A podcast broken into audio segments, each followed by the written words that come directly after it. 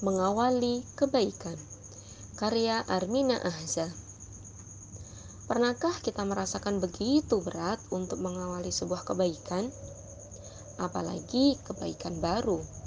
Belum lagi yang berkaitan dengan mengubah kebiasaan buruk menjadi kebaikan.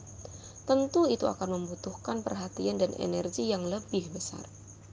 Namun, kita jangan pernah enggan untuk mengawali kebaikan, karena bagi Allah, amalan sekecil apa pun akan dinilai oleh Allah sebagaimana yang Allah firmankan dalam surah Al-Zalzalah ayat 7.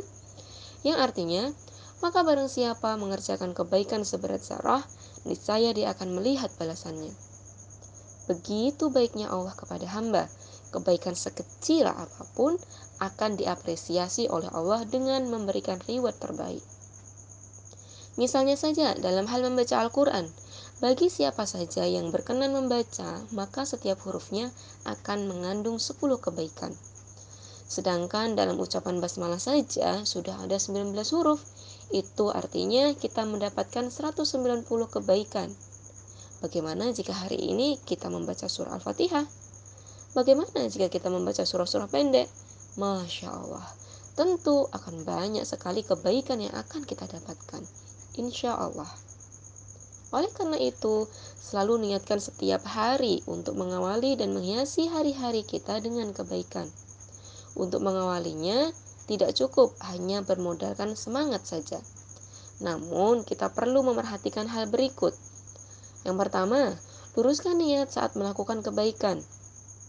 Cukup kita niatkan setiap kebaikan yang kita lakukan untuk mendapatkan keridoan Allah. Jika Allah yang menjadi tujuan kita, maka kebaikan sekecil apa pun akan ada balasan terbaik di sisi Allah.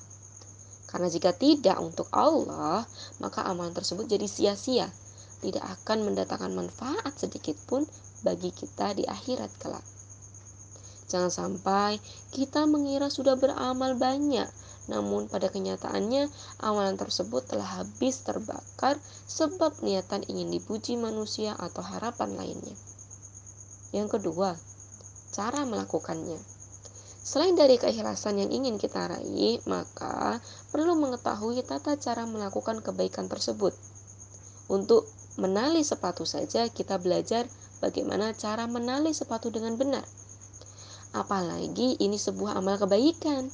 Tentu kita harus perhatikan bagaimana Allah dan Rasul-Nya memerintahkan agar apa yang kita lakukan tidak melenceng dari syariat yang sudah ditetapkan oleh Allah. Tentu kita tidak mau amalan kita jadi sia-sia, apalagi berbuah dosa. Harapan beramal adalah mendapat ridho Allah.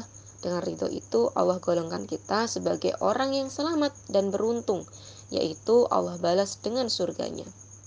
Jangan sampai perbuatan kita malah menuai celaka karena tidak tahu cara melakukannya Ibarat kita memasak makanan, harapannya mendapat asupan gizi dari makanan yang kita olah ketika dimakan.